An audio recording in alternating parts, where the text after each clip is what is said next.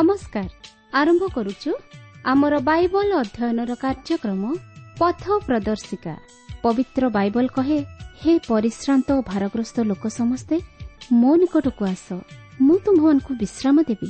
ଆସନ୍ତୁ ସେହି ଜୀବନଦାତାଙ୍କର ପରିଚୟ ପାଇ ଜୀବନରେ ବାସ୍ତବ ଶାନ୍ତି ଓ ମୁକ୍ତି ପାଇବା ନିମନ୍ତେ ଶୁଣିବା ବେତାର କାର୍ଯ୍ୟକ୍ରମ ପଥ ପ୍ରଦର୍ଶିକା।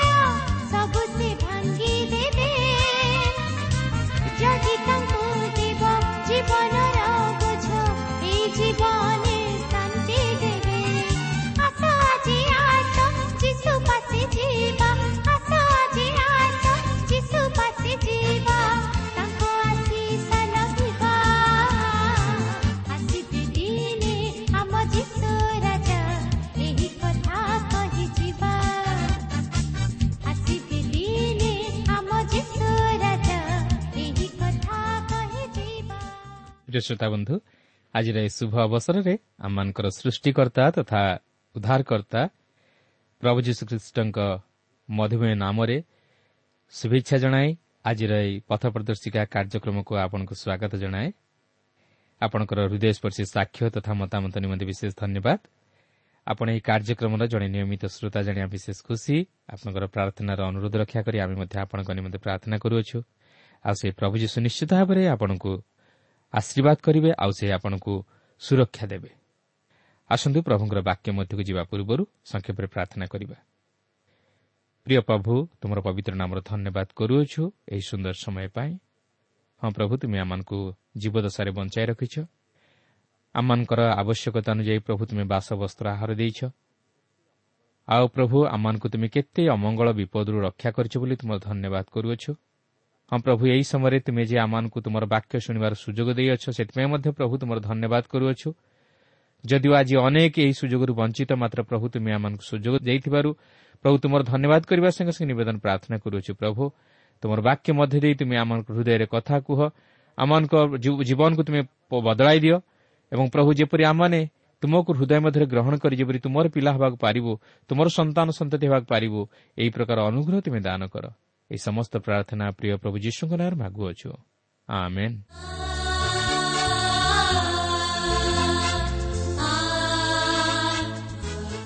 ଆସନ୍ତୁ ବର୍ତ୍ତମାନ ଆମେ ପ୍ରଭୁଙ୍କର ବାକ୍ୟ ମଧ୍ୟକୁ ଯିବା। ଆଜି ଆମେ ପୁରାତନ ନିୟମରୁ ଦ୍ୱିତୀୟ ବିବରଣ ପୁସ୍ତକଟିକୁ ଅଧ୍ୟୟନ କରିବା ନିମନ୍ତେ ଯିବା।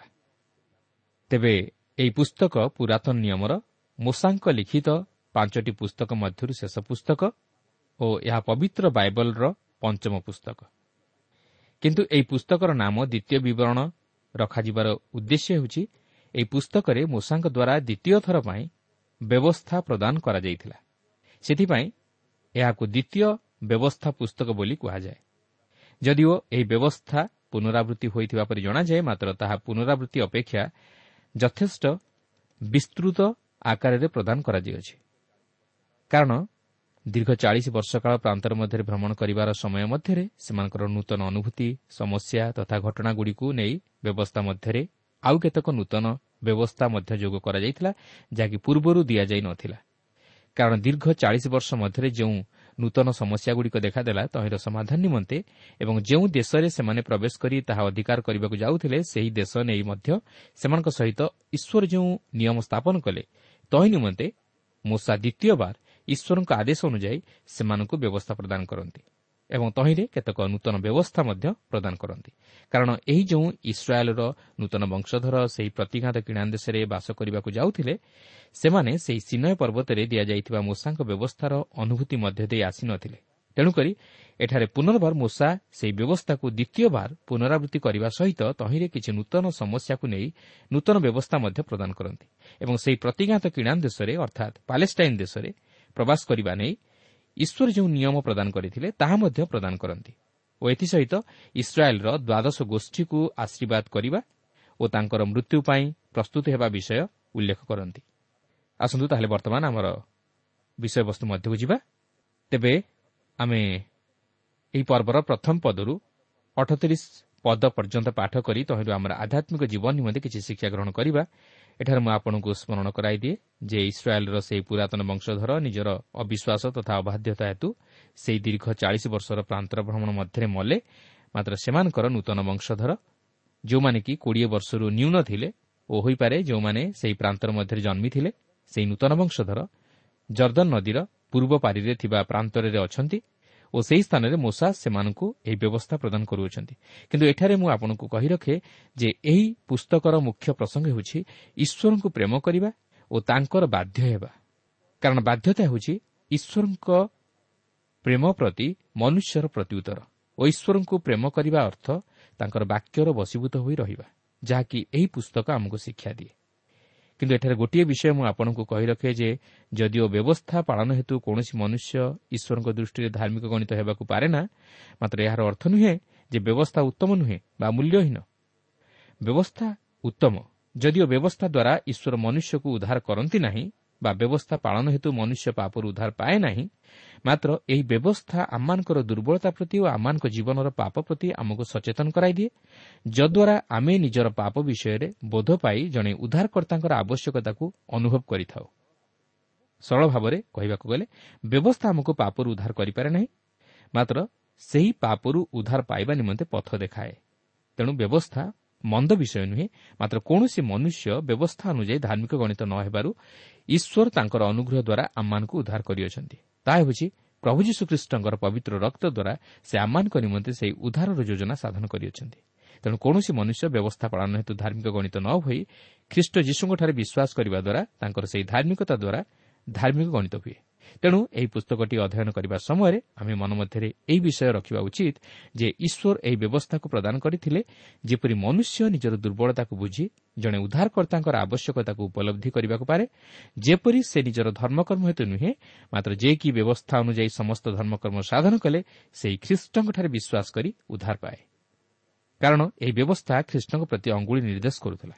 ତେଣୁକରି ଆପଣ ଦେଖିବେ ପୁରାତନ ନିୟମରେ ଯେଉଁମାନେ ଧାର୍ମିକ ଗଣିତ ହେଲେ ସେମାନେ ବ୍ୟବସ୍ଥା ପାଳନ ହେତୁ ନୁହେଁ।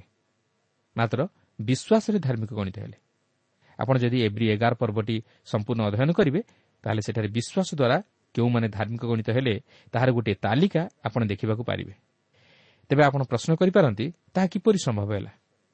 ଦେଖନ୍ତୁ ଏଭ୍ରି ଏଗାର ପର୍ବର ତେର ପଦରେ ଲେଖା ଅଛି ଏ ସମସ୍ତେ ବିଶ୍ୱାସରେ ପ୍ରାଣତ୍ୟାଗ କଲେ ସେମାନେ ପ୍ରତିଜ୍ଞାତ ଫଳ ପ୍ରାପ୍ତ ହେଲେ ନାହିଁ ମାତ୍ର ଦୂରରୁ ତାହା ଦେଖି ଅଭିନନ୍ଦନ କଲେ ଏବଂ ପୃଥିବୀରେ ଆପଣମାନଙ୍କୁ ବିଦେଶୀ ଓ ପ୍ରବାସୀ ବୋଲି ସ୍ୱୀକାର କଲେ। ସେଥିପାଇଁ ଆପଣ ଦେଖିବେ ମୂଷା ଯିଏକି ଈଶ୍ୱରଙ୍କ ଆଦେଶ ଅନୁଯାୟୀ ଈଶ୍ୱରଙ୍କଠାରୁ ପ୍ରାପ୍ତ ହୋଇଥିବା ବ୍ୟବସ୍ଥା ଇସ୍ରାଏଲ୍ ଲୋକମାନଙ୍କୁ ପ୍ରଦାନ କରିଥିଲେ ତାହାଙ୍କ ବିଷୟରେ ମଧ୍ୟ ଏଭ୍ରି ଏଗାର ପର୍ବର ଛବିଶ ପଦରେ ଲେଖା ଅଛି।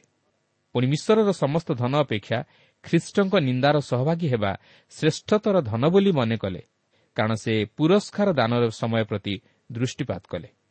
ଆଉ ଆପଣ ଦେଖିବେ ଯେ ସେ ଏହି ସମସ୍ତ ବିଶ୍ୱାସ ଦ୍ୱାରା ସାଧନ କଲେ। ତେଣୁକରି ପୁରାତନ ନିୟମରେ ଯେଉଁମାନେ ଧାର୍ମିକ ଗଣିତ ହୋଇଛନ୍ତି ସେମାନେ ବିଶ୍ୱାସ ଦ୍ୱାରା ଧାର୍ମିକ ଗଣିତ ହୋଇଅଛନ୍ତି। ସେମାନେ ବିଶ୍ୱାସ ଦ୍ୱାରା ଈଶ୍ୱରଙ୍କ ନିମନ୍ତେ ସମସ୍ତ ଉତ୍ତମ କାର୍ଯ୍ୟ ସାଧନ କରି ଧାର୍ମିକ ଗଣିତ ହୋଇଅଛନ୍ତି। କିନ୍ତୁ ବ୍ୟବସ୍ଥା ପାଳନ ହେତୁ ନୁହେଁ। ତେବେ ଦେଖନ୍ତୁ ବର୍ତ୍ତମାନ ଏହି ଇସ୍ରାଏଲ୍ର ନୂତନ ବଂଶଧର ସେହି ଜର୍ଦ୍ଦନର ପୂର୍ବ ପାରିରେ ମୟାବ ପଦାରେ ଅଛନ୍ତି ଓ ଆଉ ମାତ୍ର ଗୋଟିଏ ମାସ ପରେ ସେମାନେ ସେହି ପ୍ରତିଜ୍ଞାତ କିଣା ଦେଶରେ ଅର୍ଥାତ୍ ପାଲେଷ୍ଟାଇନ୍ ଦେଶରେ ପ୍ରବେଶ କରିବାକୁ ଯିବେ। କିନ୍ତୁ ତାହା ପୂର୍ବରୁ ମୂଷା ସେମାନଙ୍କ ନିକଟରେ ଈଶ୍ୱରଙ୍କ ବ୍ୟବସ୍ଥା ବ୍ୟାଖ୍ୟା କରିବାକୁ ଯାଇ ସେମାନଙ୍କୁ ସେମାନଙ୍କର ପୁରାତନ ବଂଶଧରଙ୍କର ବିଫଳତା ଓ ତହିଁର ପରିଣାମ ସମ୍ପର୍କରେ ସେମାନଙ୍କୁ ସ୍କରଣ କରାଇ ଦିଅନ୍ତି। ଯେପରି ସେମାନେ ସେମାନଙ୍କର ପିତୃପୁରୁଷମାନଙ୍କ ପରି ଈଶ୍ୱରଙ୍କର ଇଚ୍ଛା ବିରୁଦ୍ଧ କାର୍ଯ୍ୟ କରି ଅଭିଶପ୍ତ ନ ହୁଅନ୍ତି ମାତ୍ର ତାଙ୍କର ବଶୀଭୂତ ହୋଇ ଓ ତାହାଙ୍କୁ ପ୍ରେମ କରି ସେହି ଆଶୀର୍ବାଦର ଅଧିକାରୀ ହୁଅନ୍ତି।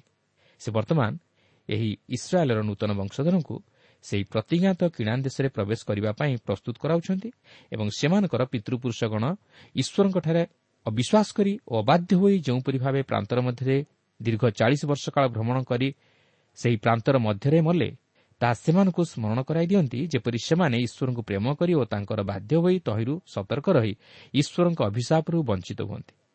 କାରଣ ଈଶ୍ୱର ମୂଷାଙ୍କ ଦ୍ୱାରା ଏହି ସମସ୍ତ ବିଷୟ ଇସ୍ରାଏଲ୍ର ଏହି ନୂତନ ବଂଶଧରଙ୍କ ନିକଟରେ ପ୍ରକାଶ କରିଥିଲେ ଯେପରି ସେମାନେ ପୁନର୍ବାର ସେମାନଙ୍କର ପିତୃପୁରୁଷଙ୍କ ଭଳି ଭୁଲ ନ କରନ୍ତି।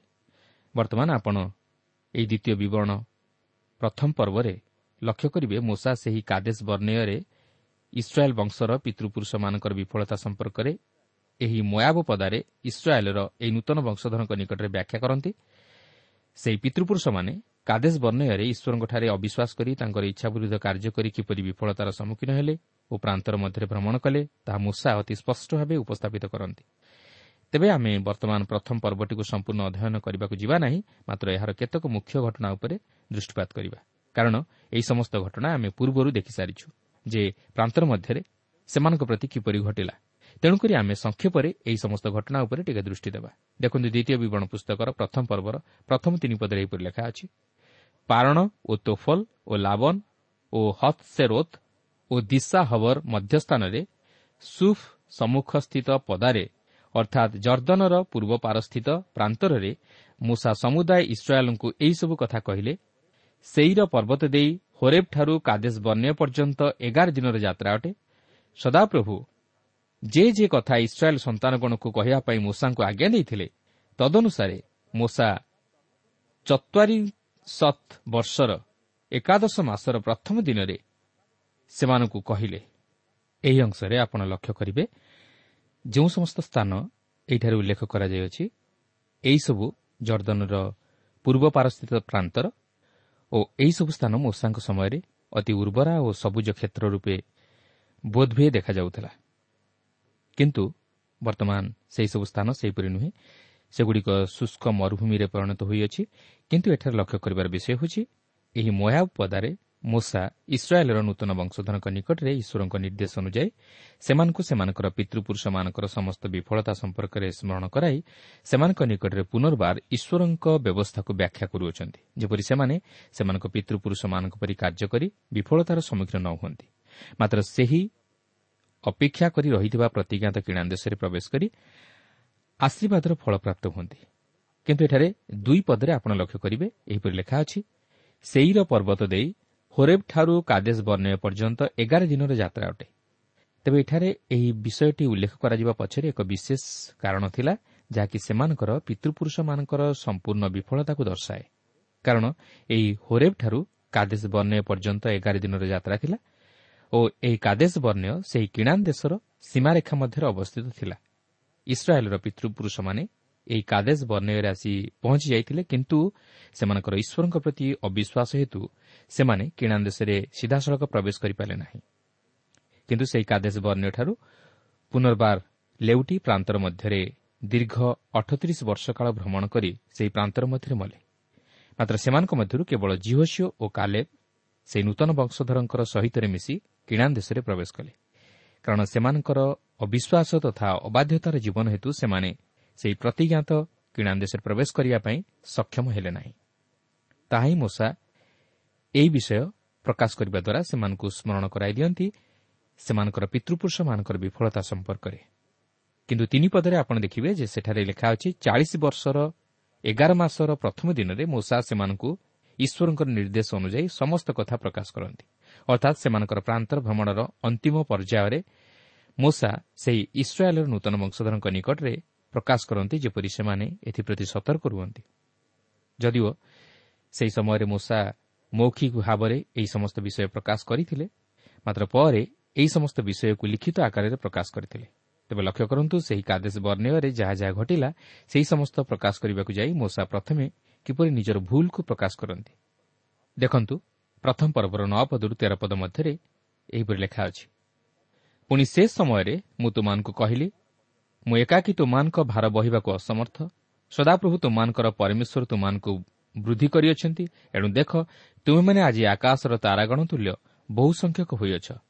ତୁମେମାନେ ଏବେ ଯେତେ ଅଛ ସଦାପ୍ରଭୁ ତୁମାନଙ୍କ ପୈତୃକ ପରମେଶ୍ୱର ତୁମାନଙ୍କୁ ତହିଁର ସହସ୍ର ଗୁଣ କରନ୍ତୁ। ଓ ସେ ଯେ ରୂପ ତୁମାନଙ୍କୁ ପ୍ରତିଜ୍ଞା କରିଅଛନ୍ତି ତଦ୍ରୂପ ତୁମାନଙ୍କୁ ଆଶୀର୍ବାଦ କରନ୍ତୁ। ମୁଁ କି ରୂପେ ଏକାକି ତୁମାନଙ୍କର ଏତେ ବୋଝ ଓ ଭାର ଓ ବିବାଦ ସହ୍ୟ କରିପାରିବି? ତୁମେମାନେ ଆପଣା ଆପଣା ବଂଶାନୁସାରେ ଜ୍ଞାନୀ ଓ ବୁଦ୍ଧିମାନ ଓ ବିଖ୍ୟାତ ଲୋକମାନଙ୍କୁ ମନୋନୀତ କର ମୁଁ ସେମାନଙ୍କୁ ତୁମାନଙ୍କ ଉପରେ ପ୍ରଧାନ ରୂପେ ନିଯୁକ୍ତ କରିବି। ଏହି ଅଂଶରେ ଆପଣ ମୂଷାଙ୍କ ଜୀବନରେ ଦୁର୍ବଳତା ଦେଖିବାକୁ ପାରିବେ ଯାହାକି ଯାତ୍ରା ପୁସ୍ତକ ଅଠର ପର୍ବରେ ଏହି ଘଟଣା ଘଟିଥିବାର ଆପଣ ଦେଖିବାକୁ ପାରିବେ। କିନ୍ତୁ ମୂଷାଙ୍କର ଏ ପ୍ରକାର କର୍ମ ଈଶ୍ୱରଙ୍କ ଦୃଷ୍ଟିରେ ଗ୍ରହଣଯୋଗ୍ୟ ନଥିଲା। କାରଣ ଈଶ୍ୱର ମୂଷାଙ୍କୁ ସମସ୍ତ ଇସ୍ରାଏଲ୍ ବଂଶର ନେତା ସ୍ୱରୂପେ ନିଯୁକ୍ତ କରିଥିଲେ।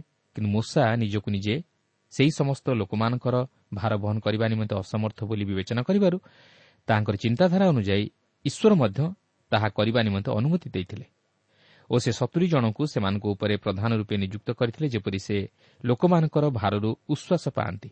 କିନ୍ତୁ ମୂଷା ଏପରି କରିବାର ଠିକ୍ ନଥିଲା। କାରଣ ସେ ଈଶ୍ୱରଙ୍କ ଦ୍ୱାରା ମନୋନୀତ ନେତା ଥିଲେ ଓ ସେ ନିଜ ଉପରେ ସମସ୍ତ ଭାର ନେଇ ଈଶ୍ୱରଙ୍କଠାରୁ ପରାମର୍ଶ ଲୋଡ଼ି ନଥିଲେ କେବଳ ଈଶ୍ୱର ଯେ ଇସ୍ରାଏଲ୍ର ଭାର ବହନ କରୁଅଛନ୍ତି ଏକଥା ଭାବିନଥିଲେ ସେ ଭାବୁଥିଲେ ଯେ ସେ ନିଜେ କେବଳ ସମସ୍ତ ଭାର ବହନ କରୁଅଛନ୍ତି। ତାହା ହିଁ ଥିଲା ମୂଷାଙ୍କର ଭୁଲ ଓ ସେ ତାହା ଏଠାରେ ପ୍ରକାଶ କରନ୍ତି। କିନ୍ତୁ ଦେଖନ୍ତୁ ମୂଷା ଜଣେ ନେତା ହୋଇ ମଧ୍ୟ ନିଜର ଭୁଲକୁ ଦର୍ଶାଇବା ନିମନ୍ତେ ଲଜ୍ଜାବୋଧ କରୁନାହାନ୍ତି। କିନ୍ତୁ ବହୁତ କମ୍ ଲୋକ ସେପରି ନିଜ ଭୁଲକୁ ସ୍ୱୀକାର କରନ୍ତି ବା ମାନି ନିଅନ୍ତି। ସେ କହନ୍ତି ଯେ ଯଦିଓ ଏହା ଅତି ଭଲ ବୋଲି ଜଣାଯାଉଥିଲା ମାତ୍ର ଏହା ପ୍ରକୃତରେ ଫଳପ୍ରଦ ହେଲା ନାହିଁ ବରଂ ଏହାଦ୍ୱାରା ଅତି ଜଟିଳ ପରିସ୍ଥିତି ଉପୁଜିଲା। ସେ ଏଠାରେ ନିଜର ଭୁଲକୁ ମଧ୍ୟ ପ୍ରକାଶ କରନ୍ତି। କିନ୍ତୁ ଏଠାରେ ଗୋଟିଏ ଗୁରୁତ୍ୱପୂର୍ଣ୍ଣ ବିଷୟ ଲକ୍ଷ୍ୟ କରିବେ ଯେ ଯେଉଁ ସମୟରେ ସଦାପ୍ରଭୁ ମୂଷାଙ୍କୁ କହୁଛନ୍ତି ଯାଅ ଓ ସେହି କିଣା ଦେଶକୁ ଅଧିକାର କର ସେତେବେଳେ ମୂଷା ଏହିପରି ଏକ ଭୁଲ କରି ବସୁଛନ୍ତି। ଏହାପରେ ଚଉଦରୁ ଅଠର ପଦ ମଧ୍ୟରେ ସେହି ସମସ୍ତ ପ୍ରଧାନ ଶତପତି ସହସ୍ରପତି ପଞ୍ଚାଶତପତି ଓ ଦଶପତି ଓ ଅଧ୍ୟକ୍ଷମାନଙ୍କୁ ମୂଷା କିପରି ନିଯୁକ୍ତ କଲେ ଓ ସେମାନଙ୍କୁ ଦାୟିତ୍ୱ ଭାର ଦେଲେ ସେହି ସମସ୍ତ ବିଷୟରେ ଉଲ୍ଲେଖ କରାଯାଇଅଛି ମାତ୍ର ସେହି ସମସ୍ତ ବିଷୟ ବର୍ତ୍ତମାନ ଆମେ ଅଧ୍ୟୟନ କରିବାକୁ ଯିବା ନାହିଁ କିନ୍ତୁ ସେମାନେ ସେହି ହୋରେବ୍ଠାରୁ କିପରି କାଦେଶ ବର୍ଣ୍ଣୟ ପର୍ଯ୍ୟନ୍ତ ଯାତ୍ରା କଲେ ସେହି ବିଷୟ ନେଇ ଦେଖିବା। ଦେଖନ୍ତୁ ଉଣେଇଶ ପଦରେ ଲେଖା ଅଛି ଅନନ୍ତର ସଦାପ୍ରଭୁ ଆମମାନଙ୍କ ପରମେଶ୍ୱରଙ୍କ ଆଜ୍ଞା ଅନୁସାରେ ଆମମାନେ ହୋରେବ୍ଠାରୁ ଯାତ୍ରା କଲୁ ପୁଣି ଇମୋରିୟମାନଙ୍କ ପର୍ବତମୟ ଦେଶକୁ ଯିବା ପଥରେ ତୁମେମାନେ ଯେଉଁ ବିସ୍ତୀର୍ଣ୍ଣ ଓ ଭୟଙ୍କର ପ୍ରାନ୍ତର ଦେଖିଲ ତହିଁର ମଧ୍ୟ ଦେଇ ଯାଇ କାଦେଶ ବର୍ଣ୍ଣୟରେ ପହଞ୍ଚିଲୁ। ଏହି ଅଂଶରେ ମୂଷା ସେମାନଙ୍କ ପିତୃପୁରୁଷମାନେ କିଭଳି ସେହି ସମସ୍ତ ଭୟଙ୍କର ପଥ ଦେଇ ଯାତ୍ରା କରି ଆସି କାଦେଶ ବର୍ଣ୍ଣୟରେ ପହଞ୍ଚିଲେ ତାହା ପ୍ରକାଶ କରନ୍ତି। ସେମାନଙ୍କର ଯାତ୍ରା ଆରାମପ୍ରଦ ନଥିଲା ମାତ୍ର ଅତି କଷ୍ଟକର ଥିଲା। ସେମାନେ ସେହି ପର୍ବତମୟ ତଥା ବିସ୍ତୀର୍ଣ୍ଣ ଓ ଭୟଙ୍କର ପ୍ରାନ୍ତର ମଧ୍ୟ ଦେଇ ଯାତ୍ରା କଲେ। ଯାହା ହେଉ ସେମାନେ ଏହି କାଦେଶ ବର୍ଣ୍ଣୟ ପର୍ଯ୍ୟନ୍ତ ଆସିଗଲେ କିନ୍ତୁ ଏହି କାଦେଶ ବର୍ଣ୍ଣୟରେ ସେହି ଇସ୍ରାଏଲ୍ର ପିତୃପୁରୁଷମାନେ ବଡ଼ ଭୁଲ କଲେ ଯାହାକି ମୂଷା ଏହି ପ୍ରଥମ ପର୍ବର କୋଡ଼ିଏରୁ ତେଇଶ ପଦ ମଧ୍ୟରେ ପ୍ରକାଶ କରନ୍ତି କିନ୍ତୁ ଏହି ଅଂଶରେ ଲକ୍ଷ୍ୟ କରିବାର ବିଷୟ ହେଉଛି ଯେ ସେହି ଇସ୍ରାଏଲ୍ର ପିତୃପୁରୁଷମାନେ ଏହି କାଦେଶ ବର୍ଣ୍ଣୟରେ ବଡ଼ ଭୁଲ କରି ବସିଲେ କାରଣ ସେମାନେ ଈଶ୍ୱରଙ୍କ କଥାକୁ ବିଶ୍ୱାସ କଲେ ନାହିଁ ସେମାନେ ନିଜର ଶକ୍ତି ଉପରେ ନିର୍ଭର କରି ଈଶ୍ୱରଙ୍କଠାରେ ବିଶ୍ୱାସ ରଖିପାରିଲେ ନାହିଁ। କାରଣ ଈଶ୍ୱର ସେମାନଙ୍କୁ କହିଥିଲେ ଯେ ସେହି କିଣା ଦେଶ ଏକ ଦୁଗ୍ଧ ଓ ମଧୁର ଦେଶ। ହଁ ସେଠାରେ ଯେ ଦୀର୍ଘକାୟ ଓ ବଳବାନ ଲୋକମାନେ ଅଛନ୍ତି ଏହା ସତ କଥା। କିନ୍ତୁ ସେ ଯେ ସେମାନଙ୍କର ସମସ୍ତ ଭାର ବହିବେ ଏହା ସେ ସେମାନଙ୍କୁ କହିଥିଲେ। କିନ୍ତୁ ମୂଷା ଯେପରି ଏକ ଦଳ ନିଯୁକ୍ତ କରି ଭୁଲ କରିଥିଲେ ସେହିପରି ଏହି ଲୋକମାନେ ମଧ୍ୟ ସେମାନଙ୍କ ମଧ୍ୟରୁ ବାର ଜଣଙ୍କୁ ନିଯୁକ୍ତ କରି ସେମାନଙ୍କୁ ଗୁପ୍ତଚର ହିସାବରେ ସେହି କିଣା ଦେଶ ଅନୁସନ୍ଧାନ କରିବା ନିମନ୍ତେ ପଠାଇବାକୁ ମୂଷାଙ୍କୁ କହି ଭୁଲ କଲେ। ତେଣୁ ଦେଖନ୍ତୁ କ'ଣ ଘଟୁଛି। ଏହି କାରଣରୁ ସେମାନେ ସେହି କିଣା ଦେଶରେ ସିଧାସଳଖ ଭାବେ ପହଞ୍ଚି ପାରିଲେ ନାହିଁ। ମାତ୍ର ପ୍ରାନ୍ତର ମଧ୍ୟରେ ଦୀର୍ଘ ଚାଳିଶ ବର୍ଷ ଧରି ଭ୍ରମଣ କଲେ ଓ ସେହି ପ୍ରାନ୍ତରରେ ମଲେ। ଏହାର କାରଣ ହେଉଛି ସେମାନଙ୍କର ଅବିଶ୍ୱାସ। ଈଶ୍ୱର ସେମାନଙ୍କୁ କହିଥିଲେ ଏହି କିଣା ଦେଶ ଏକ ଉତ୍ତମ ଦେଶ। ଯଦିଓ ସେହି ସମୟରେ ସେହି ଦେଶରେ ଅନେକ ବଳବାନ ଓ ଦୀର୍ଘକାୟ ଲୋକ ବାସ କରୁଥିଲେ ତଥାପି ଈଶ୍ୱର ଯେ ସେମାନଙ୍କ ନିମନ୍ତେ ସମସ୍ତ ଅସମ୍ଭବ ତଥା ଅସୁବିଧାକୁ ସମ୍ଭବ ତଥା ସୁବିଧାରେ ପରିଣତ କରିବେ ଏହା ସେ ପ୍ରକାଶ କରିଥିଲେ। ଯେହେତୁ ସେ ତାହା ପୂର୍ବରୁ ଭଲ ଭାବେ ଜାଣିଥିଲେ। କିନ୍ତୁ ଏହି ଲୋକମାନଙ୍କୁ ବିଶ୍ୱାସର ସହିତ ତହିଁରେ ପ୍ରବେଶ କରି ତାହା ଅଧିକାର କରିବାକୁ ଥିଲା। କିନ୍ତୁ ଏମାନେ ଈଶ୍ୱରଙ୍କ କଥାକୁ ଅବିଶ୍ୱାସ କରି ଗୁପ୍ତଚରମାନଙ୍କୁ ଦେଶ ଅନୁସନ୍ଧାନ କରିବା ନିମନ୍ତେ ପଠାଇଲେ ଯାହାକି ଈଶ୍ୱରଙ୍କର ବିରୁଦ୍ଧାଚରଣ କାର୍ଯ୍ୟ ଥିଲା। ସେମାନେ ନିଜର ଚତୁରତା ତଥା କୌଶଳ ଓ ଶକ୍ତି ଉପରେ ନିର୍ଭର କଲେ। ମାତ୍ର ଈଶ୍ୱରଙ୍କ କଥାରେ ବିଶ୍ୱାସ ରଖିପାରିଲେ ନାହିଁ କି ଈଶ୍ୱରଙ୍କ ଉପରେ ନିର୍ଭର କରିପାରିଲେ ନାହିଁ। କେବଳ ସେତିକି ନୁହେଁ ସେହି ଗୁପ୍ତଚରମାନେ ମଧ୍ୟ ସେହି ଦେଶ ଅନୁସନ୍ଧାନ କରି ତାହା ଉତ୍ତମ ଦେଶ ବୋଲି ସ୍ୱୀକାର କଲେ। ମାତ୍ର ସେମାନେ ସେହି ଦୀର୍ଘକାୟ ତଥା ବଳବାନ ଲୋକଙ୍କୁ ଦେଖି ଭୟ କଲେ। ତଥାପି ଈଶ୍ୱର ସେମାନଙ୍କ ପକ୍ଷରେ ଯୁଦ୍ଧ କରିବେ ବୋଲି ମଧ୍ୟ ସେମାନଙ୍କୁ ଜଣାଇଥିଲେ। ମାତ୍ର ସେମାନେ ଈଶ୍ୱରଙ୍କ ଉପରେ ବିଶ୍ୱାସ କରିପାରିଲେ ନାହିଁ ଆଉ ତାହାଙ୍କୁ ଅବିଶ୍ୱାସ କଲେ। ଆଉ ସେମାନେ ନିଜର ଅବିଶ୍ୱାସ ତଥା ଅବାଧ୍ୟତା ଲାଗି ସେହି ପ୍ରାନ୍ତର ମଧ୍ୟରେ ଚାଳିଶ ବର୍ଷ କାଳ ଭ୍ରମଣ କଲେ ଓ ସେହି ପ୍ରାନ୍ତରରେ ମଲେ। କେବଳ ସେମାନଙ୍କ ମଧ୍ୟରୁ ଝିଅସିଓ ଓ କାଲେବ ଏହି ନୂତନ ବଂଶଧରଙ୍କ ସହିତ ସେହି କିଣା ଦେଶରେ ପ୍ରବେଶ କରିଥିଲେ। ଏଠାରେ ଆମକୁ ଏହି ଶିକ୍ଷା ମିଳେ ଯେ ବାସ୍ତବରେ ଈଶ୍ୱରଙ୍କ ପ୍ରତି ଆମର ଅବିଶ୍ୱାସ ଓ ଅବାଧ୍ୟତା ହିଁ ଆମମାନଙ୍କର ସମସ୍ୟାର କାରଣ। ଯଦି ଆମେ ଈଶ୍ୱରଙ୍କ ବାକ୍ୟରେ ବିଶ୍ୱାସ କରି ତଦନୁଯାୟୀ ସମସ୍ତ କାର୍ଯ୍ୟ କରୁ ତାହେଲେ ଏହି ଜଗତରେ ଆସୁଥିବା ସେହି ଦୀର୍ଘକାୟ ତଥା ଭୟଙ୍କର ସମସ୍ୟାକୁ ଏଡ଼ି ଆମେ ସେହି ଆତ୍ମିକ ଆଶୀର୍ବାଦର ଅଧିକାରୀ ହୋଇପାରିବା। ଯଦି ଆମେ ସେହି ଯୀଶୁଖ୍ରୀଷ୍ଟଙ୍କ ଉପରେ ବିଶ୍ୱାସ କରି ଆଗେଇ ଯାଉ ତାହେଲେ ସେ ଆମମାନଙ୍କ ନିମନ୍ତେ ସମସ୍ତ ବିଷୟ ସାଧନ କରିବେ। କିନ୍ତୁ ସେ ଚାହାନ୍ତି ଆମମାନଙ୍କର ବିଶ୍ୱାସ ଓ ବାଧ୍ୟତା। ତେବେ ବର୍ତ୍ତମାନ ଆମେ ଚବିଶ ପଦରୁ ତେତିଶ ପଦ ପର୍ଯ୍ୟନ୍ତ ପାଠ କରିବାକୁ ଯିବା ନାହିଁ କାରଣ ଏହି ଅଂଶରେ ମୋସା ସେହି ଗୁପ୍ତଚରମାନଙ୍କର ଦେଶ ଅନୁସନ୍ଧାନ କରିବା ବିଷୟ ପ୍ରକାଶ କରନ୍ତି ଓ ସେମାନେ ଫେରିଆସି ଦେଇଥିବା ସମ୍ବାଦରେ ଏହି ଇସ୍ରାଏଲ୍ ବଂଶର ପିତୃପୁରୁଷମାନେ ଭୟଭୀତ ହେବାରୁ ମୋସା ସେମାନଙ୍କୁ ସାନ୍ତ୍ୱନା ତଥା ସାହସ ଦେଇ କହନ୍ତି ତ୍ରାସଯୁକ୍ତ ହୁଅ ନାହିଁ କି ସେମାନଙ୍କ ସକାଶୁ ଭୟ କର ନାହିଁ। ଯେଉଁ ଈଶ୍ୱର ମିଶରରେ ଓ ପ୍ରାନ୍ତରରେ ତୁମାନଙ୍କ ଦୃଷ୍ଟିଗୋଚରରେ ତୁମାନଙ୍କ ନିମନ୍ତେ ଯେ ସମସ୍ତ କାର୍ଯ୍ୟ କଲେ ତଦନୁସାରେ ସେ ତୁମାନଙ୍କ ପକ୍ଷରେ ଯୁଦ୍ଧ କରିବେ। କିନ୍ତୁ ତଥାପି ଏହି ପିତୃପୁରୁଷମାନେ ନିଜର ଅବିଶ୍ୱାସ ହେତୁ ଈଶ୍ୱରଙ୍କ ଉପରେ ନିର୍ଭର କରିପାରିଲେ ନାହିଁ କି ଈଶ୍ୱରଙ୍କ ଉପରେ ବିଶ୍ୱାସ କଲେ ନାହିଁ ଯାହାକି ମୂଷା ଏହି ଅଂଶରେ ପ୍ରକାଶ କରନ୍ତି। କାରଣ ମିଶ୍ରଠାରୁ ଏହି କାଦେଶ ବର୍ଣ୍ଣୟ ପର୍ଯ୍ୟନ୍ତ ଈଶ୍ୱର ସେମାନଙ୍କୁ ଆଶ୍ଚର୍ଯ୍ୟ ପ୍ରକାରେ ବହନ କରି ଆଣିଲେ। ଓ ସେ ସେମାନଙ୍କ ପକ୍ଷରେ ଯୁଦ୍ଧ କରି ସେମାନଙ୍କୁ ଶତ୍ରୁର ମୁଖରୁ ରକ୍ଷା କରିଥିଲେ। ସେମାନଙ୍କର ସମସ୍ତ ଆବଶ୍ୟକତା ପୂରଣ କରିଥିଲେ ଓ ଅନେକ ଆଶ୍ଚର୍ଯ୍ୟ କର୍ମମାନ ସାଧନ କରି ସେମାନଙ୍କୁ ପ୍ରାନ୍ତର ମଧ୍ୟରେ କଢ଼ାଇ ଆଣିଥିଲେ। ତଥାପି ଏହି ଲୋକମାନେ ତାହାଙ୍କଠାରେ ବିଶ୍ୱାସ ରଖିପାରିଲେ ନାହିଁ କି ତାହାଙ୍କ କଥାକୁ ବିଶ୍ୱାସ କଲେ ନାହିଁ। ତେଣୁ ଦେଖନ୍ତୁ ସେମାନଙ୍କ ପ୍ରତି କ'ଣ ଘଟିବା ପାଇଁ ଯାଉଅଛି। ଚଉତିରିଶରୁ ଅଠତିରିଶ ପଦରେ ଲେଖା ଅଛି ପୁଣି ସଦାପ୍ରଭୁ ତୁମାନଙ୍କ ବାକ୍ୟର ରବ ଶୁଣି କ୍ରୋଧ କଲେ ଓ ଶପଥ କରି କହିଲେ ଆମେ ତୁମାନଙ୍କ ପୂର୍ବପୁରୁଷମାନଙ୍କୁ ଯେଉଁ ଦେଶ ଦେବାକୁ ଶପଥ କରିଅଛୁ ନିଶ୍ଚୟ ଏହି ଦୁଷ୍ଟ ବଂଶୀୟ ମନୁଷ୍ୟମାନଙ୍କ ମଧ୍ୟରୁ କୌଣସି ଲୋକ ସେହି ଉତ୍ତମ ଦେଶ ଦେଖିପାରିବ ନାହିଁ। କେବଳ ଜିଫୁନିର ପୁତ୍ର କାଲେବ ତାହା ଦେଖିବ। ପୁଣି ସେ ଯେଉଁ ଭୂମିରେ ପଦାର୍ପଣ କରିଅଛି ସେହି ଭୂମି ଆମ୍ଭେ ତାହାକୁ ଓ ତାହାର ସନ୍ତାନଗଣକୁ ଦେବା। କାରଣ ସେ ସଦାପ୍ରଭୁଙ୍କର ସମ୍ପୂର୍ଣ୍ଣ ଅନୁଗତ ଲୋକ। ଆଉ ସଦାପ୍ରଭୁ ତୁମାନଙ୍କ ସକାଶୁ ମୋ ପ୍ରତି କ୍ରୋଧ କରି କହିଲେ ତୁମେ ମଧ୍ୟ ସେ ସ୍ଥାନରେ ପ୍ରବେଶ କରିବ ନାହିଁ। ତୁମର ପରିଚାରକ ନୁନର ପୁତ୍ର ଝିଅସିଓ ସେହି ସ୍ଥାନରେ ପ୍ରବେଶ କରିବ। ତୁମେ ତାହାକୁ ସାହସ ଦିଅ ଯେହେତୁ ସେ ଇସ୍ରାଏଲ୍କୁ ତାହା ଅଧିକାର କରାଇବ। ଏଠାରେ ମୂଷା ସେହି ଇସ୍ରାଏଲ୍ର ପିତୃପୁରୁଷମାନଙ୍କର ଅବିଶ୍ୱାସର ଫଳାଫଳ ଏହି ଅଂଶରେ ପ୍ରକାଶ କରି ସେହି ନୂତନ ବଂଶଧରଙ୍କୁ କହନ୍ତି ଯେ ସେମାନଙ୍କ ମଧ୍ୟରୁ କେହି ହେଲେ ସେହି ପ୍ରତିଘାତ କିଣା ଦେଶରେ ପ୍ରବେଶ କରିବା ନିମନ୍ତେ ସକ୍ଷମ ହେଲେ ନାହିଁ ଓ ଈଶ୍ୱରଙ୍କ ବାକ୍ୟ ଅନୁଯାୟୀ ସମସ୍ତେ ସେହି ପ୍ରାନ୍ତର ମଧ୍ୟରେ ମଲେ ମାତ୍ର ସେମାନଙ୍କର ମଧ୍ୟରୁ ଜିଫୁନିର ପୁତ୍ର କାଲେବ ଓ ନୁନର ପୁତ୍ର ଝିଅସିଓ ସେହି କିଣା ଦେଶରେ ପ୍ରବେଶ କରିବା ନିମନ୍ତେ ସୁଯୋଗ ପାଇଥିଲେ। କାରଣ ଯେଉଁ ବାର ଜଣ ଦେଶ ଅନୁସନ୍ଧାନ କରିବାକୁ ଯାଇଥିଲେ ସେମାନଙ୍କ ମଧ୍ୟରୁ ଏହି ଦୁଇ ଜଣ ଅର୍ଥାତ୍ ନୁନର ପୁତ୍ର ଜିଓସିଓ ଓ ଜିଫୁନିର ପୁତ୍ର କାଲେମଙ୍କର ସମ୍ବାଦ ଅତି ଉତ୍ସାହଜନକ ଓ ବିଶ୍ୱାସଯୁକ୍ତ ଥିଲା ଓ ଏହି ଦୁଇ ଜଣ ଅନ୍ୟ ଦଶ ଜଣଙ୍କଠାରୁ ଭିନ୍ନ ଥିଲେ। ଏମାନଙ୍କ ସମ୍ବାଦରେ ବିଶ୍ୱାସ ଓ ସାହସ ଭରି ରହିଥିଲା। ଦେଖନ୍ତୁ ଯେତେବେଳେ ଅନ୍ୟ ଦଶ ଜଣ ଗୁପ୍ତଚର ଭୀରୁତାର ବିଷୟ ପ୍ରକାଶ କରୁଅଛନ୍ତି ସେତେବେଳେ କାଲେବ କହୁଛନ୍ତି ଯାହାକି ଗଣନା ତେର ପର୍ବର ତିରିଶ ପଦରେ ଲେଖା ଅଛି ତହିଁରେ କାଲେବ ମୂଷାଙ୍କ ପକ୍ଷରୁ ଲୋକମାନଙ୍କୁ କ୍ଷାନ୍ତ କରି କହିଲେ ଆସ ଆମମାନେ ଏକାବେଳକେ ଉଠିଯାଇ ତାହା ଅଧିକାର କରୁ ତାହା ପରାସ୍ତ କରିବାକୁ ଆମ୍ଭର ଯଥେଷ୍ଟ ବଳ ଅଛି ଏଠାରେ କାଲେବ ନିଜର ଶକ୍ତି ଉପରେ ନିର୍ଭର ଦେଇ ଏକଥା କହନ୍ତି ନାହିଁ ମାତ୍ର ଈଶ୍ୱରଙ୍କ ଉପରେ ନିର୍ଭର କରି ଓ ତାଙ୍କ ଉପରେ ବିଶ୍ୱାସ ରଖି ଏପରି କହନ୍ତି। ଯଦି ଆପଣ ଗଣନା ଚଉଦ ପର୍ବର ଚବିଶ ପଦ ଦେଖିବେ ତାହେଲେ ସେଠାରେ ଈଶ୍ୱର କାଲେବଙ୍କ ବିଷୟରେ ଏହିପରି କହନ୍ତି ମାତ୍ର ଆମ୍ଭର ସେବକ କାଲେବଠାରେ ଅନ୍ୟ ଆତ୍ମା ଅଛି ଓ ସେ ସମ୍ପୂର୍ଣ୍ଣ ରୂପେ ଆମ୍ଭର ଅନୁଗତ ହୋଇଅଛି। ଏଥିପାଇଁ ସେ ଯେଉଁ ଦେଶକୁ ଯାଇଥିଲା ସେହି ଦେଶରେ ଆମ୍ଭେ ତାହାକୁ ପ୍ରବେଶ କରାଇବା। ଆମମାନେ ଏହାପରେ ସେହି ଝିଅଶିଓଙ୍କ ପୁସ୍ତକରେ ଦେଖିବାକୁ ପାରିବା ଯେ ଏହି କାଲେବ ଏକ ଚମତ୍କାର ବ୍ୟକ୍ତି ଥିଲେ। କେବଳ ସେ ନୁହନ୍ତି ଏଥିସହିତ ଝିଅଶିଓ ମଧ୍ୟ ସେହିପରି ବିଶ୍ୱାସ ଓ ଭରସାଯୁକ୍ତ ସମ୍ବାଦ ଦେଇଥିଲେ। ଏହି ଝିଅଶିଓ ମୂଷାଙ୍କ ପରେ ଇସ୍ରାଏଲ୍ ଉପରେ ନେତା ରୂପେ କାର୍ଯ୍ୟ କରି ସେମାନଙ୍କୁ ସେହି କିଣା ଦେଶକୁ ନେଇଯାଇଥିଲେ।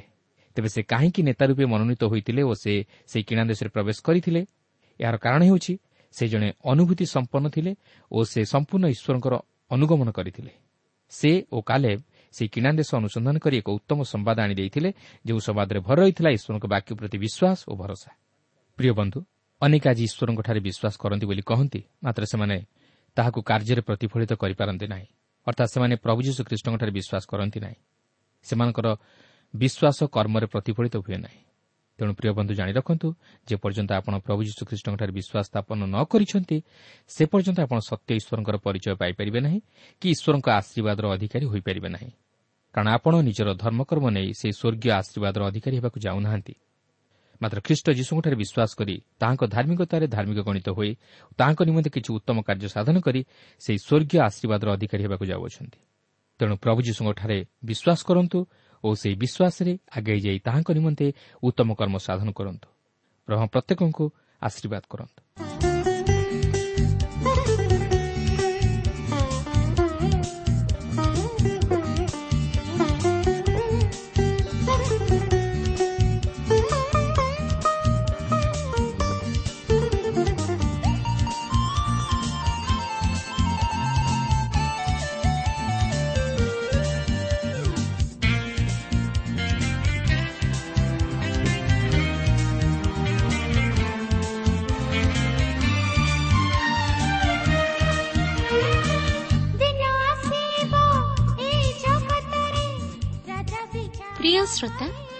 ଆମର କାର୍ଯ୍ୟକ୍ରମ ନିୟମିତ ଶୁଣୁଥିବାରୁ ଅଶେଷ ଧନ୍ୟବାଦ। ଆପଣ ଏହି କାର୍ଯ୍ୟକ୍ରମ ଶୁଣିବା ଦ୍ୱାରା ଆତ୍ମିକ ଜୀବନରେ ଉପକୃତ ହୋଇପାରିଥିବେ ବୋଲି ଆମର ବିଶ୍ୱାସ। ପ୍ରଭୁ ଯୀଶୁଙ୍କ ବିଷୟରେ ଅଧିକ ଜାଣିବାର ଆଗ୍ରହ ଥିଲେ ଅଥବା ଉପାଦାୟ ପୁସ୍ତକର ଆବଶ୍ୟକ ଥିଲେ ଆମ ସହ ଯୋଗାଯୋଗ କରନ୍ତୁ। ଆମର ଠିକଣା ପଥ ପ୍ରଦର୍ଶିକା Trans World Radio India post box number ତିନି ତିନି ଭୁବନେଶ୍ୱର ସାତ ପାଞ୍ଚ ଏକ ଶୂନ ଶୂନ ଏକ। Mobile number nine seven double seven double two one four one five ঠিকଣାটি ଆଉଥରେ ଶୁଣନ୍ତୁ ପଥ ପ୍ରଦର୍ଶିକା Trans World Radio India post box number three three Bhubaneswar seven five one zero zero one mobile number nine seven double seven double two one four one five email email ଆଡ୍ରେସଟି ଲେଖି ରଖନ୍ତୁ Odia TV at radio eight eight two dot com ତେବେ ଆଜି ପାଇଁ ବିଦାୟ ଦିଅନ୍ତୁ। ନମସ୍କାର।